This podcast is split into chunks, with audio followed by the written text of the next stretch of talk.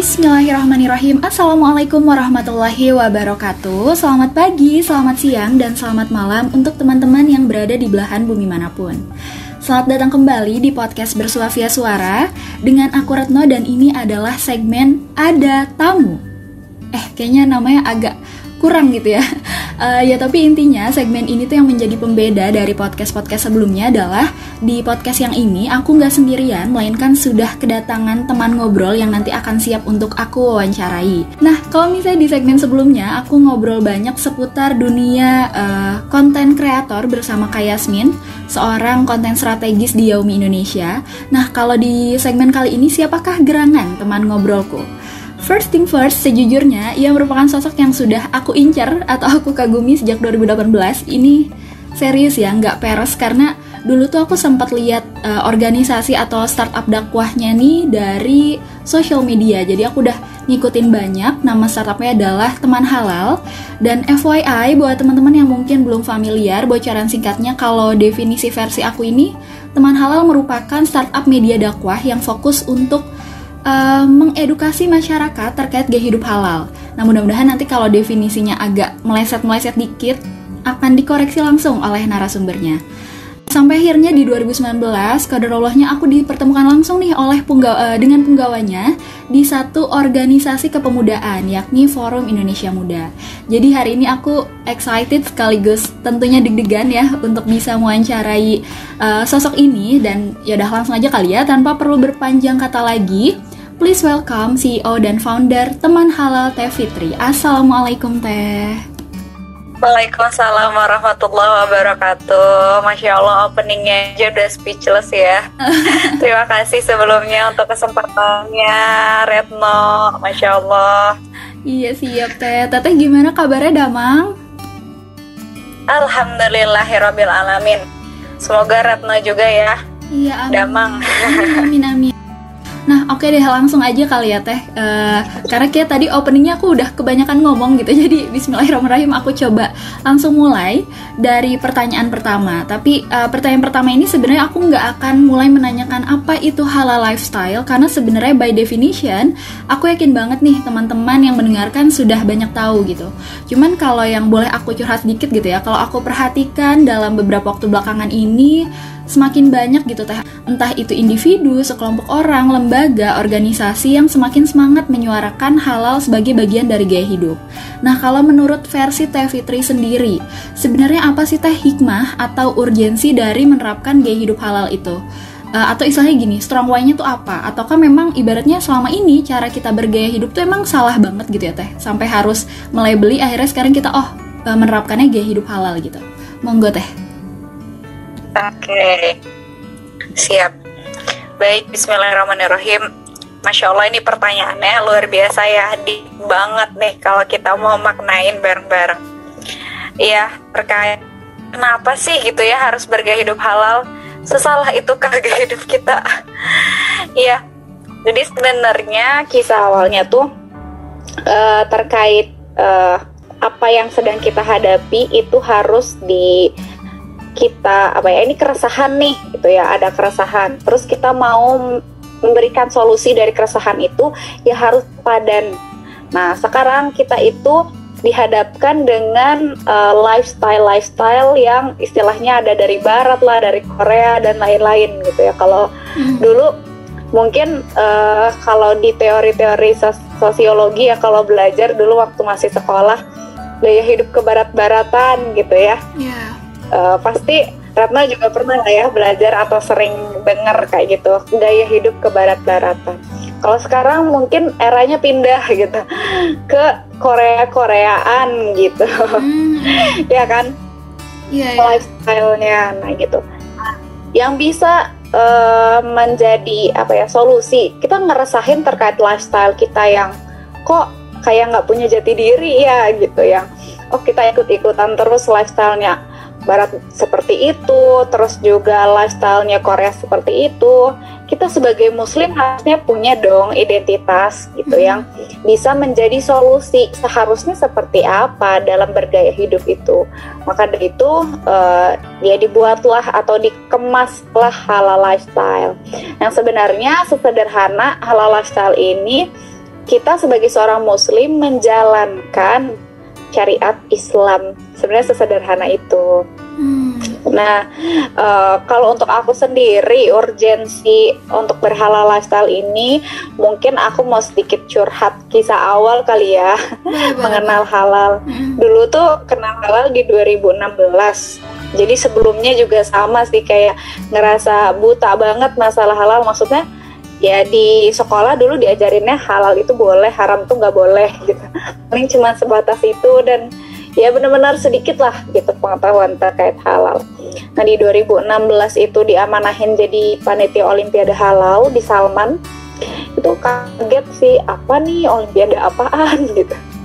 Olimpiade tentang teknika apa ya gitu. Soalnya beneran first impression dengar Olimpiade Halal tuh Olimpiade terkait uh, ya pernikahan gitu. Yeah. Tapi ternyata sasarannya anak SMA okay. kan aneh gitu. Masa anak SMA diakselerasi gitu Untuk disuruh ternyata bukan gitu ya di situ. Di sana ternyata olimpiadanya tentang gaya hidup halal gitu pengetahuan-pengetahuan terkait halal. Nah uh, di situ ada satu momen yang menjadi titik balik titik balik aku uh, mengenal halal ya sampai sejauh ini gitu awalnya itu lagi di kondisi yang sejujurnya itu lagi galau-galaunya banget lah. Maksudnya galau tuh apa ya? Cukup stres, banyak tekanan di mana-mana, banyak tugas di kampus ya. Udah mau kalau nggak salah waktu itu lagi mau UTS apa UAS gitu ya. Terus juga di organisasi, uh banyak banget PR-PR di organisasi. Terus juga di rumah gitu ada aja ya masalah di rumah karena aku tidak ngekos Jadinya kayak kompleks banget gitu permasalahan yang biasanya kalau kita lagi di kondisi kayak gitu gimana sih? Apa ya? Galau, males boro-boro mau ibadah gitu ya. Kayaknya males banget deh gitu mengerjain yang wajib aja males gitu gimana mau sunnah dan lain-lain sampai akhirnya setelah menjadi ya di kepanitiaan Olimpiade Halal itu aku pernah ikut satu kali kelas halal itu diisinya sama Budina. Nah, Budina ini salah satu pembinanya teman halal, gurunya uh, kami semua gitu di teman halal. Budina ini salah satu yang menemukan LP POM juga, oh. ya lembaga halal di Indonesia. Iya dan beliau itu menemukan halal itu saat masih mahasiswa. Wah itu kan greget banget ya. Pas tahu itu Nah, beliau itu saat menjelaskan halal ada satu hadis yang benar-benar aku highlight banget. Ini mungkin menjadi why kita bersama ya. Karena kalau kita bicara uh, dalil banyak banget ya dalil terkait halal. Yep. Tapi kita coba maknai bareng-bareng. Pada kesempatan kali ini ada satu hadis dari yang direwayatkan oleh Ali ya bahwa uh, di sini tuh barang siapa yang hidup dari makanan yang serba halal maka bersinarlah agamanya, lemah lembut hatinya, dan tiada dinding penghalang bagi doa-doanya. Di situ langsung nyes banget gitu. Ya Allah, ternyata sesimpel itu kita pengen apa ya doa kita dikabulkan gitu ya. Sebagai seorang muslim kan senjatanya doa ya. Nah, kita pengen apa-apa minta ke Allah. Ternyata kalau misalnya makan makanan yang halal, Masya Allah, keutamaannya salah satunya tadi doanya tuh nggak ada dinding lagi penghalang di antara doa kita dan Allah. Itu langsung ditunjukin jalan-jalannya istilahnya. Tetapi uh, yang part selanjutnya dari hadis tersebut dan barang siapa yang makan makanan yang syubhat samarlah agamanya dan gelaplah hatinya. Di situ langsung aku yang sedang galau dan stres langsung berpikir ya Allah jangan-jangan aku selama ini tercemar dari banyak banget gitu mengkonsumsi sesuatu yang masih samar gitu nggak jelas itu teh ya hal atau enggak gitu. Ya dan yang uh, terakhir dari hadis tersebut dan barang siapa memakan barang yang haram hatinya menjadi mati agamanya lemah keyakinannya kurang Allah menutup pintu doanya dan ibadahnya sangat sedikit di situ lebih jelas lagi. Ya Allah aku lagi males banget ibadah gitu ya. Lagi ya banyak banget pikiran. Ya jangan-jangan aku kayak gini karena uh, secara tidak sadar aku mengkonsumsi sesuatu yang haram gitu. Secara tidak sadar makanan aku terkontaminasi sama hal-hal tersebut gitu. Makanya di situ langsung evaluasi diri langsung apa ya mengazamkan di tahun 2016 ini ya Allah uh, tolong ya Allah. Ini nggak mungkin aku tiba-tiba mendengarkan ini. Aku tiba-tiba menyimak ini. Pasti ada sesuatu yang Allah uh, ingin titipkan kepadaku. Ya Allah tolong Fitri ingin hijrah bergaya hidup halal. Mulai dari detik ini tolong bimbing, tolong tunjukkan jalan-jalannya agar Fitri bisa mengamalkan hidup halal dengan ya ilmunya itu. Jadi diminta untuk dia minta ke Allah untuk ditunjukkan jalan-jalan mencari ilmunya agar beramalnya benar gitu. Dan gak pernah kebayang ternyata ngurusin halal sampai sekarang. Hmm, iya. Kalau dulu belum ada teman halal ya. Masya Allah ternyata dari ini uh, sederhana saat itu di majelis ilmu yang katanya kan doa kita tuh tidak terhijab gitu dari uh, langit malaikat itu langsung mengaminkan doa-doa kita kalau kita uh, punya apa ya keinginan-keinginan di dalam majelis ilmu itu masya Allah ditunjukin jalan-jalannya sampai hari ini. Jadi menurut aku seurgent apa halal lifestyle yaitu kita butuh nggak keberkahan dalam hidup gitu. Kita pengen gak doa-doa kita didengar. Ya cuman itu doang. salah satu apa salah satu caranya yang bisa kita ikhtiarkan ya halal lifestyle. Gitu mungkin sedikitnya.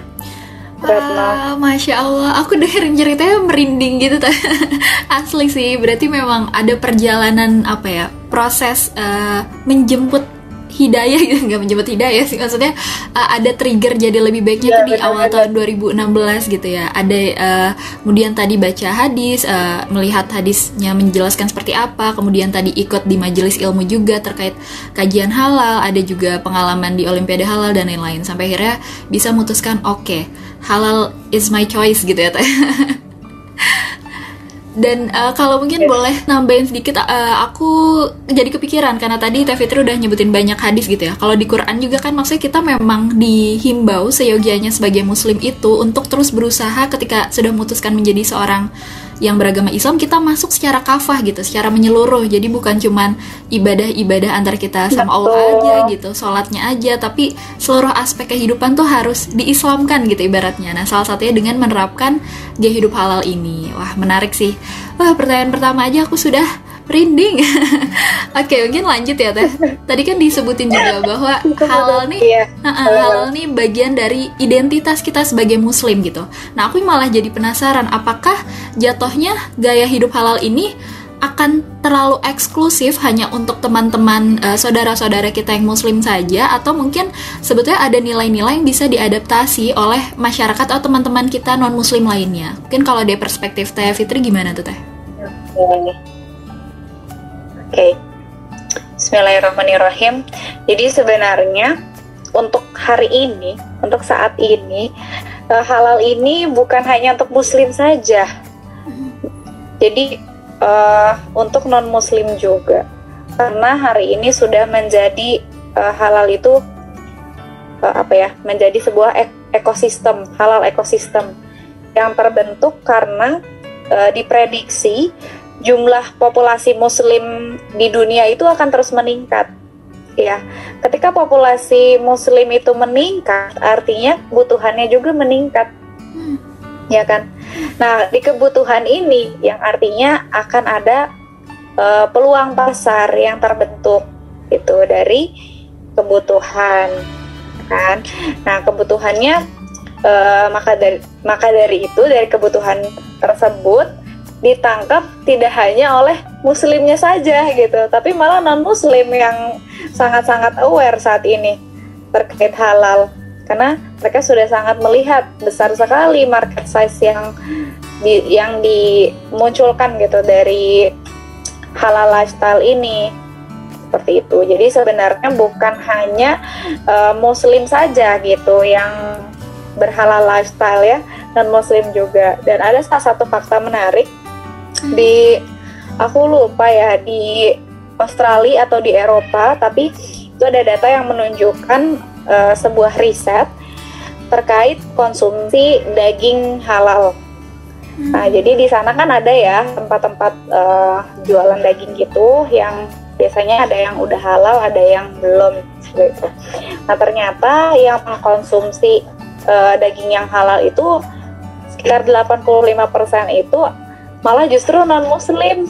Oh, iya. Karena non muslim itu tahu gitu kalau misalnya uh, daging tersebut halal itu sudah melalui pengecekan serangkaian proses dan halal ini menjadi sebuah high quality standard yang sudah ditetapkan secara global gitu sehingga wah ini kalau hal itu udah pasti sehat udah pasti bersih dan lain-lain gitu. sementara kalau misalnya uh, tidak halal gitu ya belum tentu. Makanya non muslim pun memilihnya malah produk-produk yang halal. Seperti itu Retno. Hmm ya ya. Menarik menarik. Berarti memang sebenarnya negara-negara dengan muslim yang sebetulnya minoritas mereka lebih aware meskipun uh, bukan pertimbangan dari sisi agama tapi tadi ya ada high quality gitu bahwa kalau udah halal pasti dari sisi kesehatannya juga terjamin gitu ya teh? Betul. Mm-mm. Dan aku kayak sempat baca juga sih ada Thailand dia Thailand juga apa ya se mengkampanyekan bahwa mereka tuh siap untuk jadi the biggest halal kitchen in the world gitu. Jadi kayak bener-bener pengen jadi dapur halalnya terbesar di uh, dunia. Sedangkan Indonesia yang tadi Teh Fitri bilang gitu ya, kita mayoritas tapi mungkin di subsektor halal foodnya aja kita belum jadi food uh, food player gitu, malah konsum terus ya impor terus kayak gitu ya Teh ya. Betul. Ya itu yang menjadi salah satu kekhawatiran kita ya, keresahan kita. Kok mayoritas muslim terbesar dunia tapi kita sendiri ternyata tidak aware dengan makanan kita. Iya, iya benar. Gitu. Ya. Sip, sip, sip. Nah, jadi aku uh, jadi kepikiran apa ya? Meskipun tadi ya bukan dilihat dari bukan pertimbangan agama gitu, mereka dari sisi usaha dan keseriusannya untuk nyemplung ke gaya hidup halal, industri halal tuh perlu tetap diacungi jempol meskipun tadi pertimbangannya ada kepentingan bisnis atau uh, ya mereka memang melihat pasar atau market dari muslim di dunia ini sangat besar gitu, sangat uh, potensial buat dimasuki seperti itu. Nah, um, aku beralih ke hal-hal yang sifatnya lebih praktis nih kak. Eh teh, kok jadi kak? Teh Fitri, uh, karena tadi sempat disinggung juga terkait hal basic itu dari apa yang kita makan seharusnya halal gitu ya. Mungkin ada lagi teh contoh-contoh lain gimana sih uh, contoh praktik dari gaya hidup halal yang mudah dan sangat fundamental gitu ya dan dekat dengan kehidupan kita sehari-hari. Oke. Okay. Nah, jadi kalau kita sejauh ini mungkin memaknai halal itu masih dalam konteks makanan gitu ya, food aja, sektor halal food. Nah, sekarang itu uh, yang namanya lifestyle gaya hidup tidak hanya berkaitan dengan makanan saja gitu, tapi di sini uh, sudah disusun juga kalau menurut GIEI Global Islamic Economy Indicator itu ada tujuh sektor halal industri yang menjadi lingkup gaya hidup halal itu sendiri gitu jadi selain halal food ada fashion kemudian ada travel ada kosmetik farmasi atau obat-obatan kemudian finance dan juga halal media dan rekreasi seperti itu jadi uh, untuk penerapan halal lifestyle sendiri ya kita harus mengetahui gitu poin-poin yang menjadi apa ya bahasa kalau di halal food itu titik kritis. Atau bagian yang bisa menjadi uh, syubhat ya menjadi sesuatu yang syubhat nih yang bikin kita itu terjerumus pada sesuatu yang haram gitu. Nah di situ perlu kita ketahui dari setiap sektor ya. Ternyata ada tadi ada tujuh sektor halal industri nih. Nah setiap sektor-sektornya tersebut itu ada uh, istilahnya ya pasti ada keilmuan tersendiri yang perlu kita gali gitu. Oh kalau misalnya di kosmetik seperti apa ya gitu titik kritisnya, apa yang harus kita jauhi, apa yang harus kita uh, apa ya yang kita prioritaskan atau kita pilih gitu. Sehingga memang uh, ya sejauh ini yang bisa kita lakukan, yang paling bisa kita uh, ikhtiarkan atau usahakan adalah ya kita memilih produk-produk kalau misalnya itu dalam kemasan ataupun resto yang sudah sertifikat halal. Hmm. ya untuk bisa ya tahu itu udah dicek gitu ya secara keseluruhannya sudah teraudit uh, tersertifikasi halal. Tapi kalau untuk barang gunaan ya seperti tadi misalnya fashion, kemudian juga uh, alat-alat dapur dan lain-lain itu uh, ada babnya tersendiri gitu yang harus di, dipelajari gitu. Kemudian kalau muamalah itu pasti masuknya ke finance ya secara garis besar payungnya itu di seluruh sektor itu pasti adalah finance. Kita juga kalau dalam bermuamalah harus memperhatikan ya akad-akadnya seperti apa. Ya jangan sampai kita uh, akadnya tidak sesuai yang di bab uh, secara islaminya seperti apa kayak gitu. Nah itu makanya penting banget kita untuk uh, punya ilmunya dulu gitu sebelum mengamalkan gitu. Jadi kuncinya memang belajar sih. Ya. belajar terus menerus. Ya betul betul betul. Jadi kalau tadi dijelasin berarti memang ada ibaratnya hulu ke hilir gitu ya teh ya. Gak cuman tadi yang pertama disinggung makanan, betul. tapi ternyata kosmetik juga gitu. Jadi aku agak tertegur nih sebagai perempuan kan biasanya senang banget beli skincare atau makeup aneh-aneh gitu ya teh. Tanpa kita tuh lupa untuk mempertimbangkan nah, udah ada label halal atau belum. Betul. Ya, ya, ya. Yang banyak banget di media sosial ya. Biasanya beli gara-gara viral gitu ya, diracunin orang. Hmm, ya. Itu adalah saya. Astagfirullahaladzim. Dikit-dikit ya teh hijrahnya masih Aku belajar. Iya. Iya Terus tadi ada juga halal uh, finance ya. Jadi memang ada istilah istilahnya juga kita hijrah finansial. Tadi sempat disinggung juga terkait muamalah. Betul banget kita harus mengetahui akad dari misalnya kita berbisnis Atau kita nabung di bank juga. Usahakan gitu ya pelan-pelan kita pindahkan tabungan kita ke yang bank syariah. Hal-hal yang sederhana kayak gitu tapi ya ibaratnya mulai aja dulu gitu ya teh ya dari hal-hal kecil yang memang bisa kita lakukan gitu. Oke, okay, um, betul sekali. Aku mau mulai, eh aku mau mulai, aku mau beralih ke aktivitas spesifik yang teteh dan teman-teman teman-teman teman halal aduh gimana ya Mbak Teh Fitri dengan kawan-kawan di balik teman halal lakukan mau konfirmasi dulu nih Teh uh, teman halal nih udah tiga tahun empat tahun atau berapa Teh kita mulai di 1 September 2017. Jadi okay. sudah sekitar tiga tahun. Sekitar tiga tahun Alhamdulillah. ya. Alhamdulillah. Luar biasa. Kalau bayi itu dia udah bisa jalan tuh, udah bisa lari, lumayan lah ya. um, Allah, alhamdulillah. Aku amazed banget gitu kalau lihat sosial media dan beberapa aktivitasnya ya teh. Nah, kalau boleh diceritain uh, sedikit lagi gitu ya teh lebih dalam, keresahan apa nih teh yang dilihat ini as a team ya Teh karena tadi sebelumnya Teh Fitri juga udah menceritakan keresahan pribadi ketika 2016 tapi uh, titik di mana di 2017 itu akhirnya memutuskan oke okay, this is the time buat Teh Fitri dan teman-teman membangun teman halal itu trigger khususnya apa tuh Teh? Oke okay. Bismillahirrahmanirrahim ya ini ya Allah deep banget nih kalau aku sendiri harus menceritakan wah ini tuh pasti aku pun merasa tertampar karena aku merasa banyak sekali PR yang harus aku selesaikan ya untuk Indonesia ini. Iya, uh, dan ternyata tadi Retno juga udah tahu teman aku dari 2018 ya, iya. masya Allah. dan kita dipertemukan di di ini ya Forum Indonesia Muda, insya Allah. Dan sekarang bisa jadi kolaborasi di podcast ini. Ya, semoga berkah. Jadi uh, why-nya ya menjadi bahan bakar teman halal ingin terus bergerak sampai dengan detik ini sebenarnya ada tiga poin utama ya yang menjadi keresahan kita tuh. Yang pertama itu adalah definisi halal sendiri. Ya, jadi definisi halal di anak-anak muda itu kalau ya tadi dengar kata halal apa sih? Per, yang pertama kali terlintas hmm. Retno sendiri deh.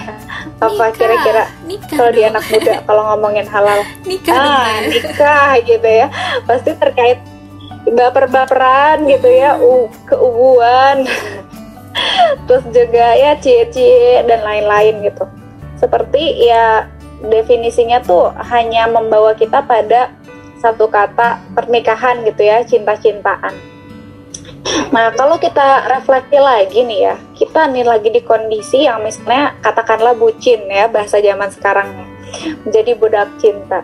Gimana sih kondisi diri kita biasanya gitu? Biasanya kan galau ya, terus juga uh, boro-boro mau beraktivitas biasanya ngapain sih kalau galau? Denger lagu ya nggak sih? Denger lagu melau ya kan? Betul. pengennya di kamar. Betul. selimutan gitu ya. Iya. Nah ini sih yang menjadi uh, salah satu yang uh, kami soroti.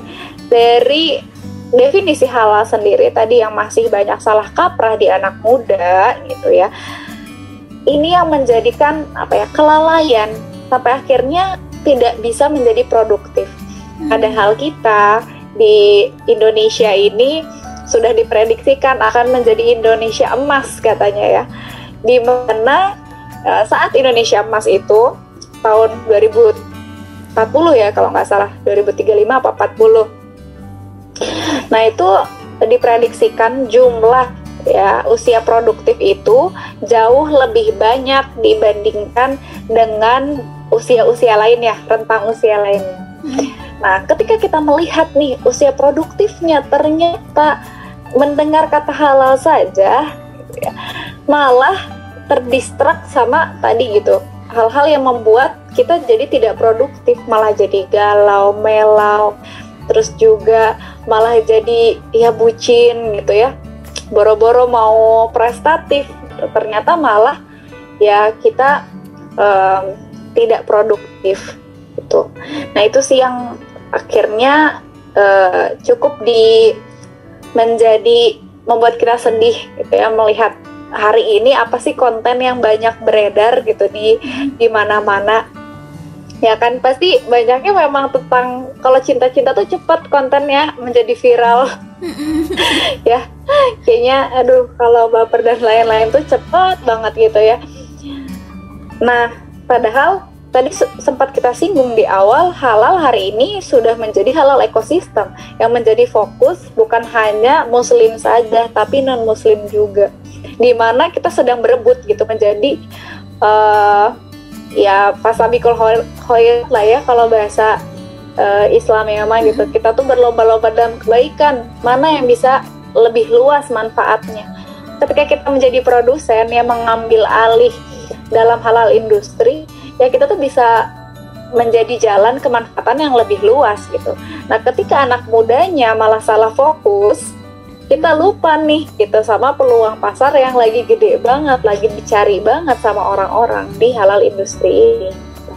Makanya salah satu target ya uh, teman halal ini untuk edukasi terkait halal, terkait potensi ini, terkait halalnya sendiri itu ya adalah anak muda. Gitu. karena ya Indonesia ini adalah raksasa yang sedang tertidur. Kalau kata Profesor Irwandi Jaswir nggak bisa dibangunin oleh seorang diri. Kita harus bisa bersama-sama gitu bersatu untuk bisa membangunkan Indonesia ini. Dari berbagai ranah tentunya. Nah, jadi teman halal ini ya tadi melihat definisi halal yang masih salah kaprah kita pengen yuk sama-sama yuk gitu. Kalau dengar kata halal tuh kita um, terpikirnya ini bisa jadi salah satu solusi untuk memajukan perekonomian Indonesia gitu yang bisa membawa negeri ini jadi jauh lebih berkah kita bisa mendapat pertolongan Allah jauh lebih menjemput pertolongan Allah jauh lebih dekat kayak gitu. Itu poin pertama. Nah poin keduanya peringkat halal Indonesia. Jadi saat ini tuh Indonesia peringkat 5 halal dunia Alhamdulillah berdasarkan GIEI yang sempat disinggung tadi juga. Global Islamic Economy Indicator tahun 2019 sampai uh, 2020 gitu. Sebenarnya kita harus senang apa sedih ya peringkat lima hal dunia. Kalau Ratna sendiri senang atau sedih? Kayaknya uh, peringkat lima hal dunia. Kan meningkat ya teh itu tuh awalnya nggak lima, ya senang cuman masih sedih karena kan kita mayoritas iya, gitu, masih ketinggalan. Uh, betul. Nah itu jadi sebenarnya ini sudah cukup meningkat yang signifikan lah ya dibandingkan yang sebelumnya. Jadi tahun sebelumnya itu uh, kita peringkat 10 tapi sekarang naik alhamdulillah ke peringkat 5 tapi memang kita masih jauh tertinggal gitu. Dan yang paling aku soroti dari data GIEI ini adalah sektor halal food. Jadi sektor halal food kita udah naik uh, peringkat 5 tapi ternyata kita belum masuk top 10 loh sektor halal food. Tiga tahun berturut-turut kita nggak masuk top 10 ini kan menjadi pertanyaan sebenarnya kita makan apa loh? Ya kan? Karena salah satu parameter dari penilaian di sini kan adalah awareness masyarakatnya terkait apa yang dia makan gitu. Termasuk ya di sini adalah halal food ya. Dan di sini malah yang masuk ke top 10 itu ada negara-negara non muslim seperti Brazil, Australia gitu. Itu masuk loh ke uh, top 10 halal food. Nah, kita hal yang paling pokok makanan sehari makan tiga kali ya. Belum lagi cemilannya. Belum lagi minuman-minuman hitsnya. Ya kan? Green tea, milk tea, boba dan lain-lain. Kopi-kopi kekinian. Ya ini menjadi pertanyaan besar kita. Sebenarnya kita makan apa sih? Dan kalau kita singgung lagi why-nya di awal ya makanan ini menjadi salah satu hal yang paling dasar dan paling urgent Kenapa? Karena ada patah yang mengatakan you are what you eat. Kamu tuh apa yang kamu makan. Karena makanan-makanan yang kita makan itu akan menjadi uh, bagian dari tubuh kita, ya kan? Yang nanti menyusun telinga, mata, uh, tangan, kaki yang pasti terbawa dalam setiap aktivitas kita ya dari makanan. Kemudian uh, energi kita untuk melakukan aktivitas juga dari makanan, ya kan? Ya artinya ketika makanan kita tercemar sama sesuatu yang tadi tidak halal gitu, yang haram, berarti bagaimana nilai kehidupan kita, bagaimana kualitas-kualitas ibadah kita, ya bagaimana kita mau menjemput keberkahan Allah gitu lah intinya ya pertolongan dari Allah. Kalau misalnya ternyata banyak tercemar sama sesuatu yang haram. Itu sih poin kedua yang uh, menjadi alasan ya teman halal ini kenapa sih gitu ya ingin kami terus ikhtiarkan.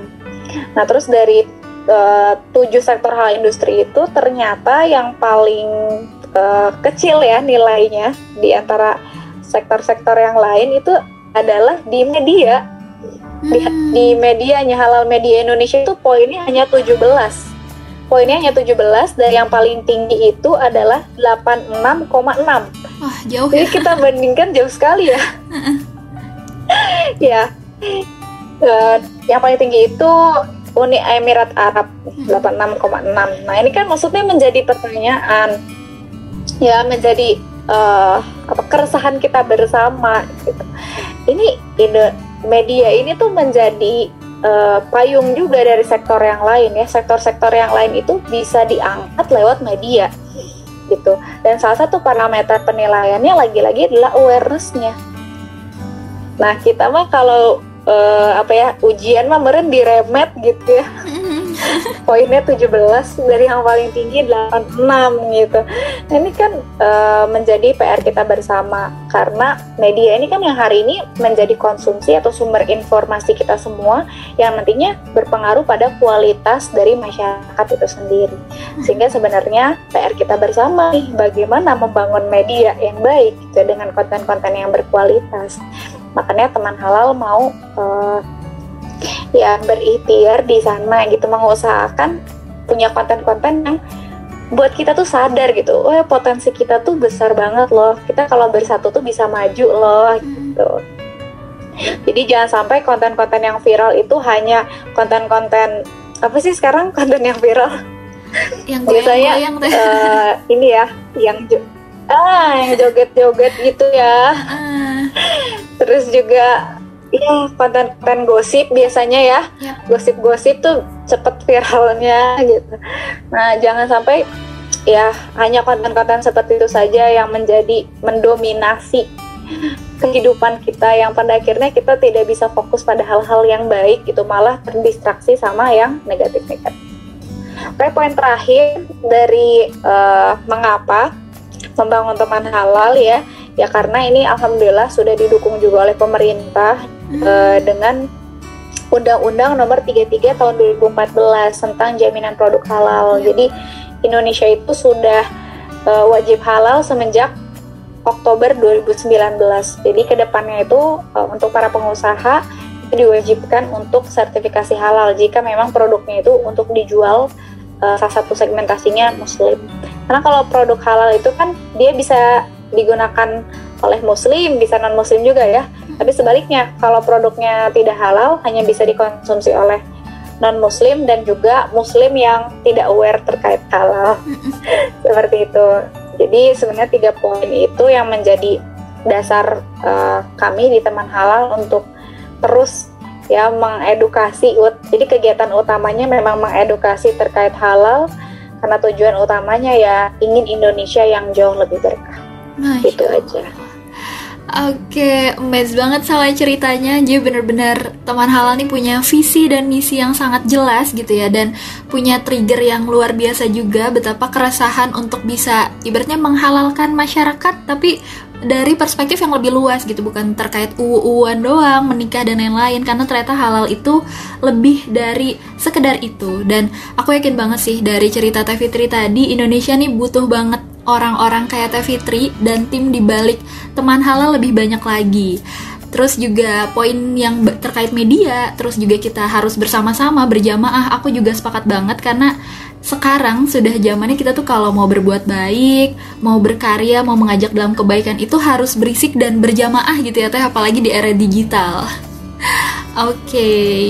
Betul, harus perbanyak kolaborasi. Nah, salah satunya ini ya kolaborasi sama Retno makanya aku senang banget gitu apa ya dikasih kesempatan kita bisa ya sama-sama menyuarakan ini Iya, alhamdulillah wah aku yang merasa tersanjung ini teh teh Fitrinya mau. Nah, mungkin teman-teman yang tadi udah dengerin cerita di balik terbentuk dan terbangunnya teman halal jadi semakin semangat dan apa ya makin yakin gitu untuk bisa menerapkan gaya hidup halal apalagi tadi juga disebutkan bahwa ternyata cara untuk implementasinya tuh sederhana dan tapi dekat gitu dalam kehidupan sehari-hari.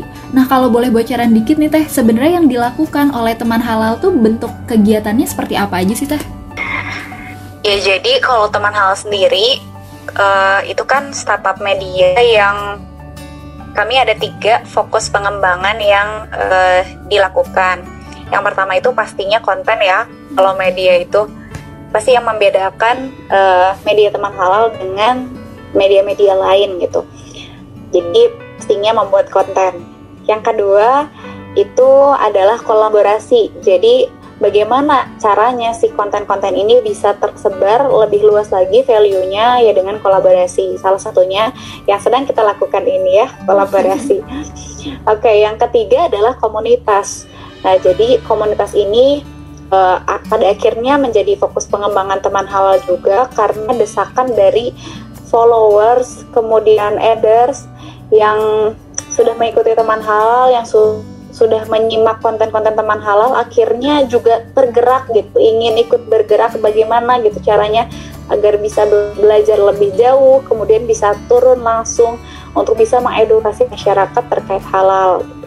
Sehingga untuk online-nya itu kegiatan-kegiatan online ya itu di teman halal sementara untuk di offline itu ada komunitas teman halal meskipun saat ini kan pandemi ya hmm. sehingga kegiatan komunitas pun jadi online gitu. Jadi ya bedanya tadi uh, kalau teman halal itu di online kalau komunitas itu utamanya itu di offline untuk bisa terjun langsung ke masyarakat. Tapi karena sekarang sedang pandemi jadi ya sama gitu ya online juga gambaran utamanya ngapain aja teman halal utamanya pasti kita sama-sama belajar terkait halal dan juga uh, mengedukasi terkait halal lifestyle itu sih Oke, berarti tadi ada komunitasnya juga ya Teh.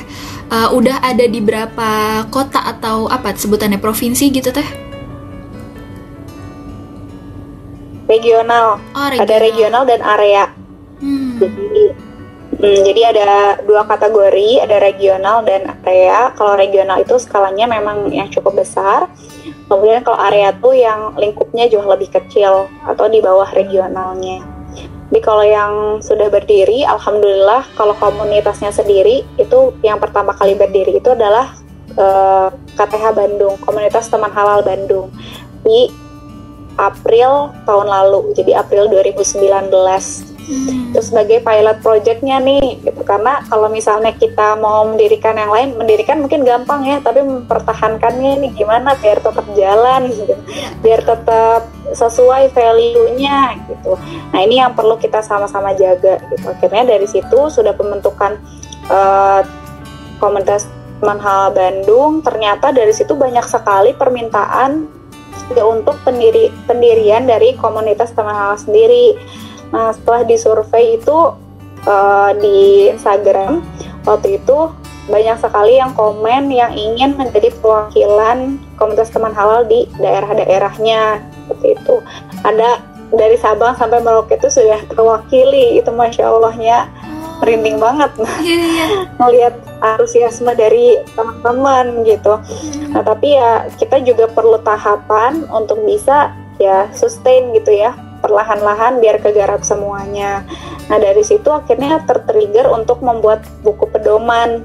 Bagaimana nih biar value-value-nya kita tetap seframe dan juga uh, ada apa ya um, pedoman untuk berkegiatan seperti itu. Jadi di, dibuat buku pedoman yang akhirnya ketika pedoman itu selesai, uh, ketika ada pengajuan pendirian itu bisa ada proseduralnya gitu.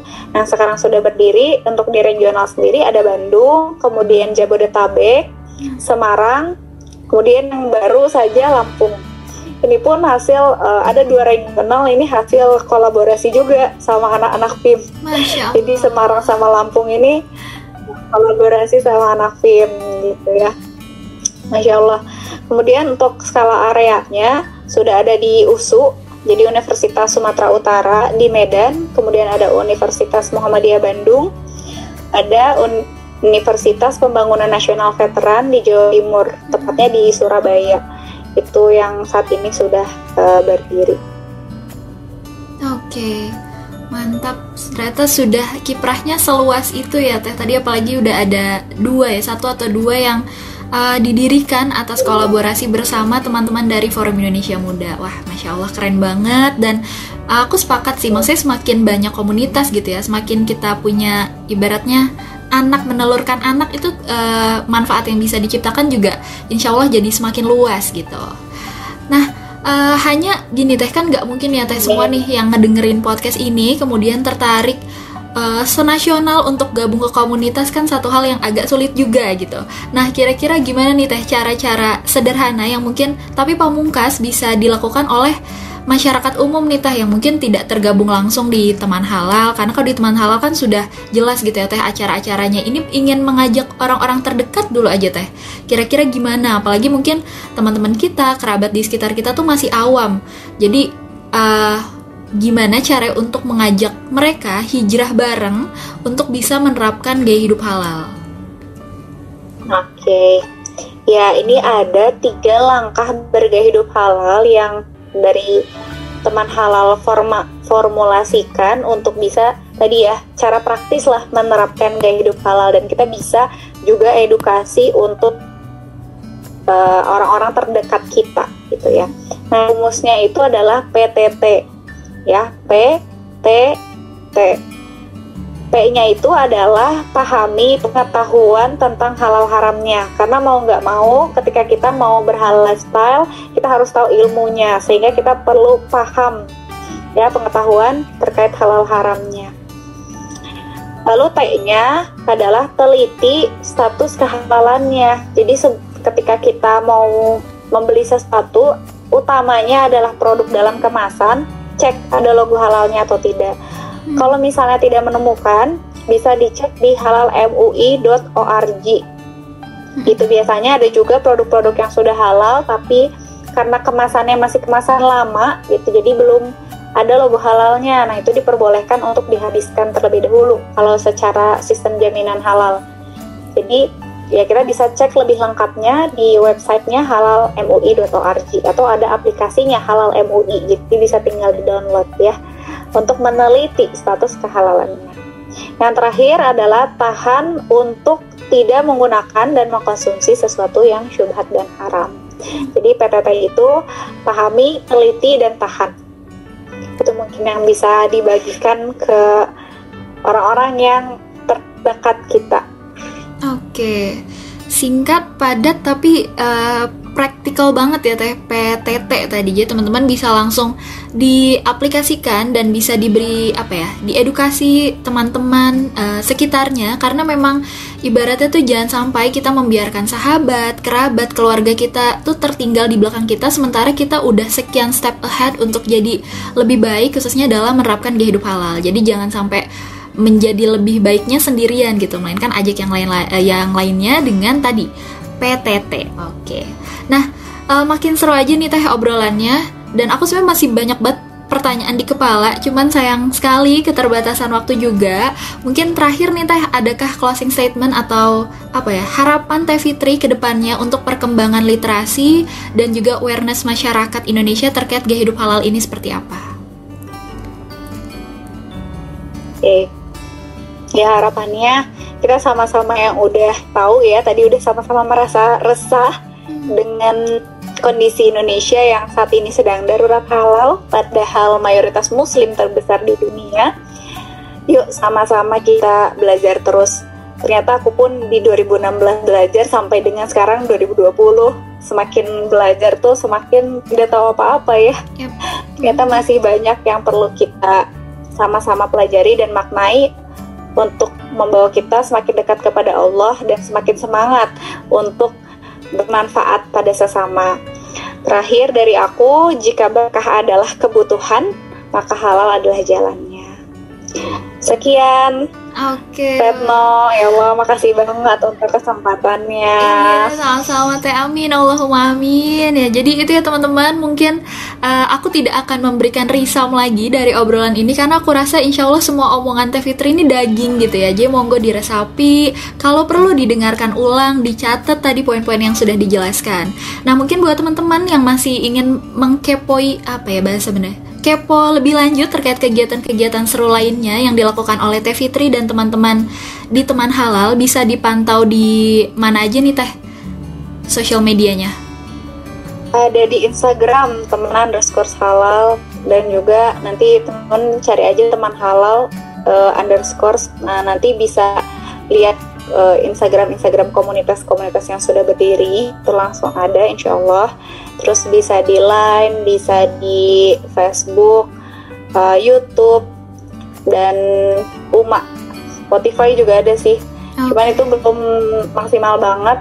Jadi yang sekarang lagi diprioritaskan di Instagram Oke, okay, sip. Jangan lupa di follow ya teman-teman tadi at teman underscore halal. Ada channel YouTube-nya juga. Aku memang sudah beberapa kali ngikutin siaran ulangnya karena kalau live tuh kadang waktunya nggak cocok gitu. Tapi aku, aku tetap ngikutin di channel YouTube-nya. Jadi jangan lupa di like, comment, and subscribe. Asik.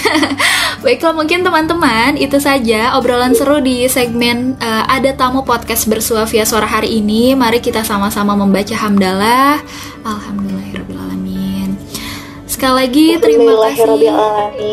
Terima kasih banyak ya Teh Fitri atas waktunya. Mudah-mudahan sehat, sukses selalu dan uh, lancar terus untuk semua proyek di teman halalnya. Dan tentu untuk teman-teman yang mendengarkan satu pesan aku melengkapi apa yang tadi disampaikan oleh Teh Fitri, mari kita rapatkan barisan untuk bisa bersama-sama membumikan ekonomi syariah salah satunya dengan cara menjadikan halal sebagai bagian dari gaya hidup kita, mulai dari diri sendiri, mulai dengan orang-orang terdekat dan mulailah hari ini. Demikian, terakhir jika podcast ini dirasa membawa pesan dan kesan kebaikan, pastikan jangan sampai berhenti di kamu ya. Ya, Assalamualaikum warahmatullahi wabarakatuh.